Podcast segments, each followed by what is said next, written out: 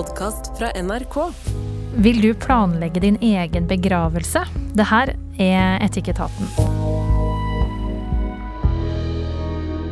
Her sitter tre kloke folk klare med sine etiske looper for å studere og diskutere livets mange valg, sånn å gjøre i Etikketaten.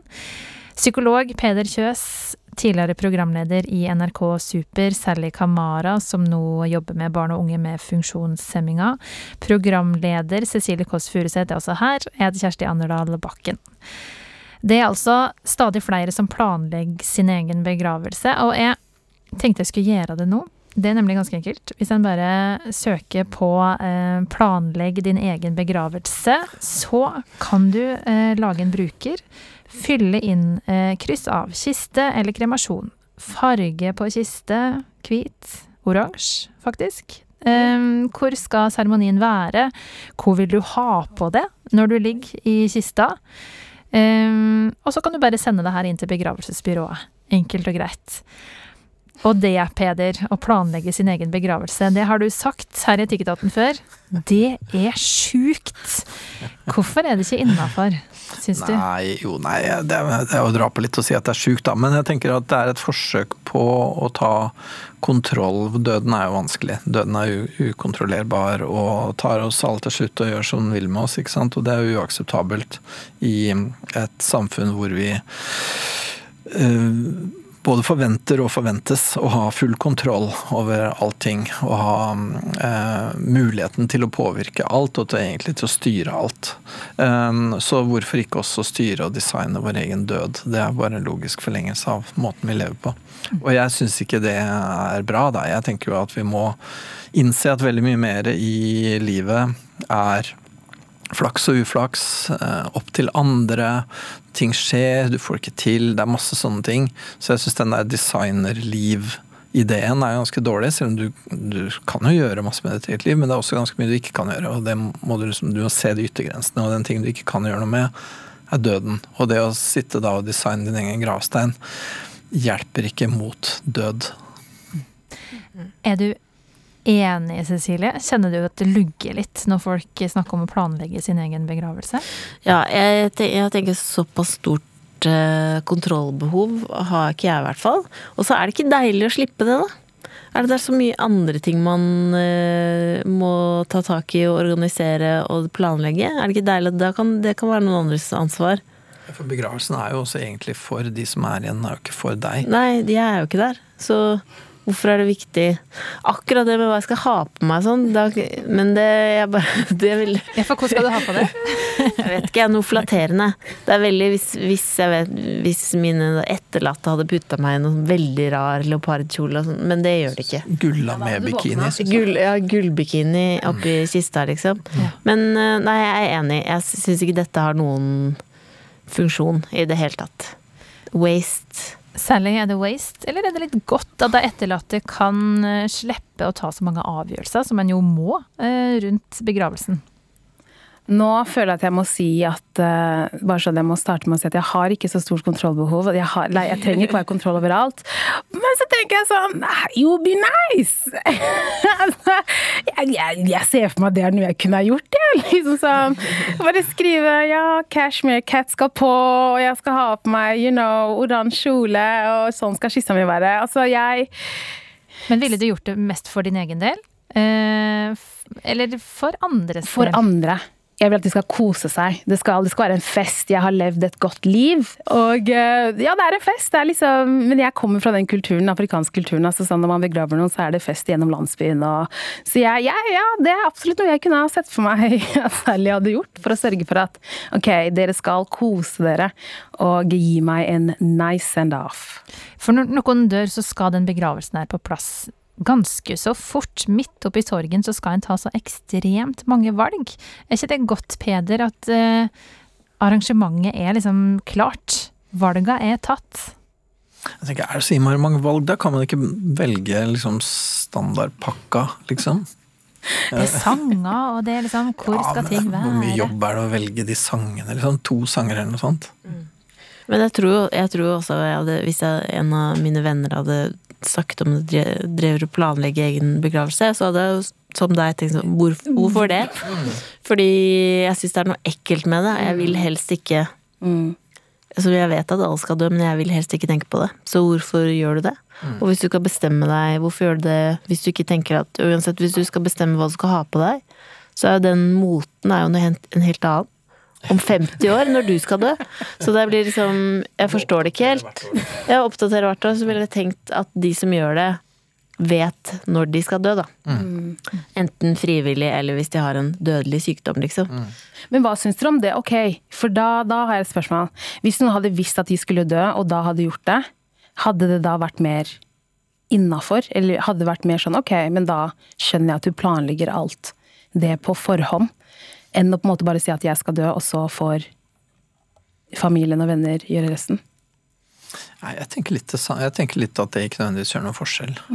Men eh, ja, litt, litt fordi jeg tenker at det er noe litt sånn overkontrollerende i å skulle diktere hva de andre skal gjøre med uh, den her haugen med kjøtt og knokler som ligger igjen etter meg, liksom. Jeg, jeg syns ikke jeg har noe med det. Jeg syns de, de kan velge hva de vil gjøre. Men eh, juridisk sett, da, hvis noen har sendt inn eh, ønsker til et gravferdsbyrå, så er en ikke forplikta til, til å følge det. Så tenk om mor vil begraves i bunaden, og så hadde du egentlig håpa å arve den bunaden. Grave den ned, hva? Det, det gidder jeg ikke, ass. Nah, girl, you did. Bæ. Ja, hva tenker du, Cecilie, hvis du liksom hadde fått beskjed om at noen har ønska seg et eller annet? Hadde du tatt hensyn til det, sjøl om du egentlig i prinsippet er imot at det skal planlegges? Eh, ja, jeg hadde tatt hensyn til det. Ja, det hadde jeg jo da, bare så det er sagt. Ja, jeg hadde det. Hvorfor det? Lugger det liksom i moralen da? Det lugger i moralen. Hvis de har tatt seg bryet med å, liksom, å være så nøye på å skulle planlegge det, så kan man følge det. Altså, hvor, hvor uh, rart kan det være, liksom? Skulle, hva, jeg kan ikke helt se for meg hva det skulle vært med, som jeg ville vært sånn nei til. Jeg kjenner i hvert fall at uh, nå kommer jeg fra en liten plass der det ikke finnes noe krematorium, som er, eh, begraver folk i en kiste. Nå har jeg flytta til en by der det er ganske vanlig med kremasjon, men jeg er ikke vant til det. Kjenner at det er så brutalt å sende folk inn i en ovn. Uh, så Du hvis- vil heller spise opp av mark. Ja, sakte. Det er bedre, syns jeg, enn å liksom bare ta den her nylig avdøde personen og putte den i en ovn. Det syns jeg er Da kjempemakabert. kan man jo spre asken Ja. på fine steder. Jeg vil bli kremert. Tenk hvis det var det noen hadde planlagt. Ja, En av dine nærmeste som sa at jeg vil at min aske skal spres på Hawaii.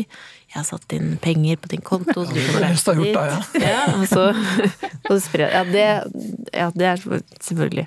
Men da er spørsmålet igjen, hvem er det for? Hvis noen i min nære omkrets hadde dødd og ønska kremasjon, men jeg som sitter igjen syns det er makabert, hvem er det da det skal, hvem, hvem er det som skal få ta det, det valget, da? Der har vi satt etikken på prøve, Peder. Ja, for, det- for det, nå har vi jo snakka mest om det sånn rent emosjonelt og rett fram, egentlig, da. Men hvis man skal prøve å koble på noe etikk her, så jeg syns ikke det Det er jo klart at um, det er jo igjen, det er jo som alltid, da, så må man jo prøve å finne hvem er det som er den sårbare parten, og i hvilken grad kan man ivareta dens ansvar, ikke sant. Og det er jo klart at hvis det er et veldig sånn ehm, spesielt opplegg, så blir det jo plutselig de etterlatte som er den sårbare parten, da, på et vis. Men eh, den døde, den som skal dø, da, hvis den personen syns at det er vanskelig å deale med det å skulle dø, og at det gir en slags trøst å tenke på at når eh, det slutter å tikke inni her, så blir det i hvert fall sånn, og det gir meg en følelse av at det er litt mer ålreit. Så er jo det en form for sårbarhet som man bør ta hensyn til. Men eh, Så etikken går litt begge veier. Jeg synes at Hvis noen først har et sånt ønske, så er det en type ønske eller behov som man bør ta hensyn til så godt man kan, hvis det ikke er helt ekstremt, liksom. Um, og den andre veien så syns jeg kanskje ikke man skal belaste sine etterlatte med eh, i hvert fall ikke kompliserte ønsker, da. Men hvem er denne begravelsen for, Cecilie? Nei, den er jo som eh, Peder sa, så er jo det for de som sitter igjen. Ja, mest i hvert fall. Det er, også litt, det er jo selvfølgelig også godt å tenke på at når du skal dø, at du vet at liket ditt ikke blir slengt ut på gata. Og, Ja, altså det er en, et ryddig farvel, da. ja, og at du blir behandla med verdighet. Det er jo, Vi Mm. vil jo vise Vi som skal dø, vi vil, gjerne, vi vil gjerne leve i et samfunn hvor vi føler oss rimelig trygge på at liket blir eh, håndtert med respekt, liksom. Mm. Så sånn sett så er begravelsen for oss som skal dø også, da. Men, Mm. Men mye er det for de etterlatte. Mm. Men den her eh, gravstøtta da, som, som blir stående igjen, og som en eh, gjerne går til for å minnes den som er død, hadde det ikke vært litt kult, Cecilie, om den var liksom da eh, designa av den som var død, den var henta ut fra et fjell, favorittfjellet Tå, den her som gikk bort med et sjølvalgt bilde, kanskje noe kunstnerisk? Jeg kan godt fikse Altså, jeg er jo en people pleaser, også når det gjelder de døde. Så jeg hadde selvfølgelig fiksa den steinen, ja. Men jeg hadde ikke gjort Jeg ville ikke ha planlagt den steinen sjøl. Tror jeg. For det er det så nøye Det er en stein. Har du tenkt hva det skal stå på din? Der skal det stå noe helt rått, ja. Ja. Det skal det stå. Så litt føringer blir det til å bli lagt. Håper jo at det blir et eh, kult sitat. Eh, men eh, nei, jeg kan, jeg kan fikse det folk vil innen rimelighetens eh, grenser. Men min stein kan godt være stygg, den. Det går fint. Høres ut som du driver og oppretter et gravferdsbyrå nå, Cecilie. Jeg kan fikse det du vil innenfor rimelighetens grenser. Det er slagordet. Ja, det er slagordet. Men særlig har jeg vært litt nysgjerrig på det her begravelsene i Sierra Leone, som er ditt heimland. Ja. Hvordan ser det ut? Åh, det, vi har jo veldig mange ulike stammer i Sierra Leone. Jeg kommer fra Timni-stammen. Det her er siste reisen. Vi skal danse gjennom byen. Det, det, det kommer trommer, det kommer dansere, det kommer Altså sånn, nå skal vi feire eh, din siste hooray. Og så tror jeg det handler også om å huske personen sånn som de var. Var du en jovial person, ikke sant? Of course skal du, skal du også gå inn i de neste epoke med dans og sang. Eh, men igjen så kommer jeg jo fra Strelone, som er veldig religionbasert, og man, man er liksom spirituell, så man tenker jo ikke det at når man er død, så er man, da er man, da er man ferdig. Eh, nå starter liksom neste veien, eh, og nå skal du, nå skal du videre, da.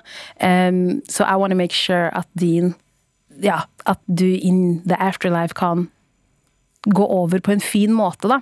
Så og etter begravelsen så er det hjem til familien, og så spiser man, og så, så ler man. Altså det er sånn Man skal feire livet ditt, livet du har hatt. Det er ikke sånn at nå Selvfølgelig, folk gråter jo, det er jo trist, men it's a celebration of life, basically. Det er det det er. Så jeg tror nok det er også grunnen til at vi skal danse med Cashmere Cat, og så skal vi kose, og så skal alle drikke ananasjuice og ha det, ha det fint, liksom. For Sally hadde det fint mens hun levde. Må vi drikke ananasjus? Ja, det må dere. Gjerne fra et shotglass, men det må være ananasjus. Yes, Civita. Og hvis du ikke gjør det, så kommer du og Jeg hjemsøker. kommer, ja, ja, ja. Jeg ligger ikke og slapper av der, vet du. Nei, nei. nei. Interessant det òg, da. Så ja, så jeg vil at, jeg vil at det skal være en fest. Hvis eh, du som hører på har eh, forslag til andre trender som du mener ikke er innafor, så ta gjerne og skriv til oss i appen NRK Radio under Etikketaten. Eh, der kan du også trykke på følg-knappen, så får du et varsel når en ny podkastepisode er ute. Og så må du veldig gjerne tipse en venn om oss også. Her i Etikketaten nå er altså Peder Kjøs, Cecilie Kåss Furuseth og Sally Kamara. Jeg heter Kjersti Anderdal Bakken, og produsent var Hege Strømsnes. Du har hørt en podkast fra NRK. Hør flere podkaster og din NRK-kanal i appen NRK Radio.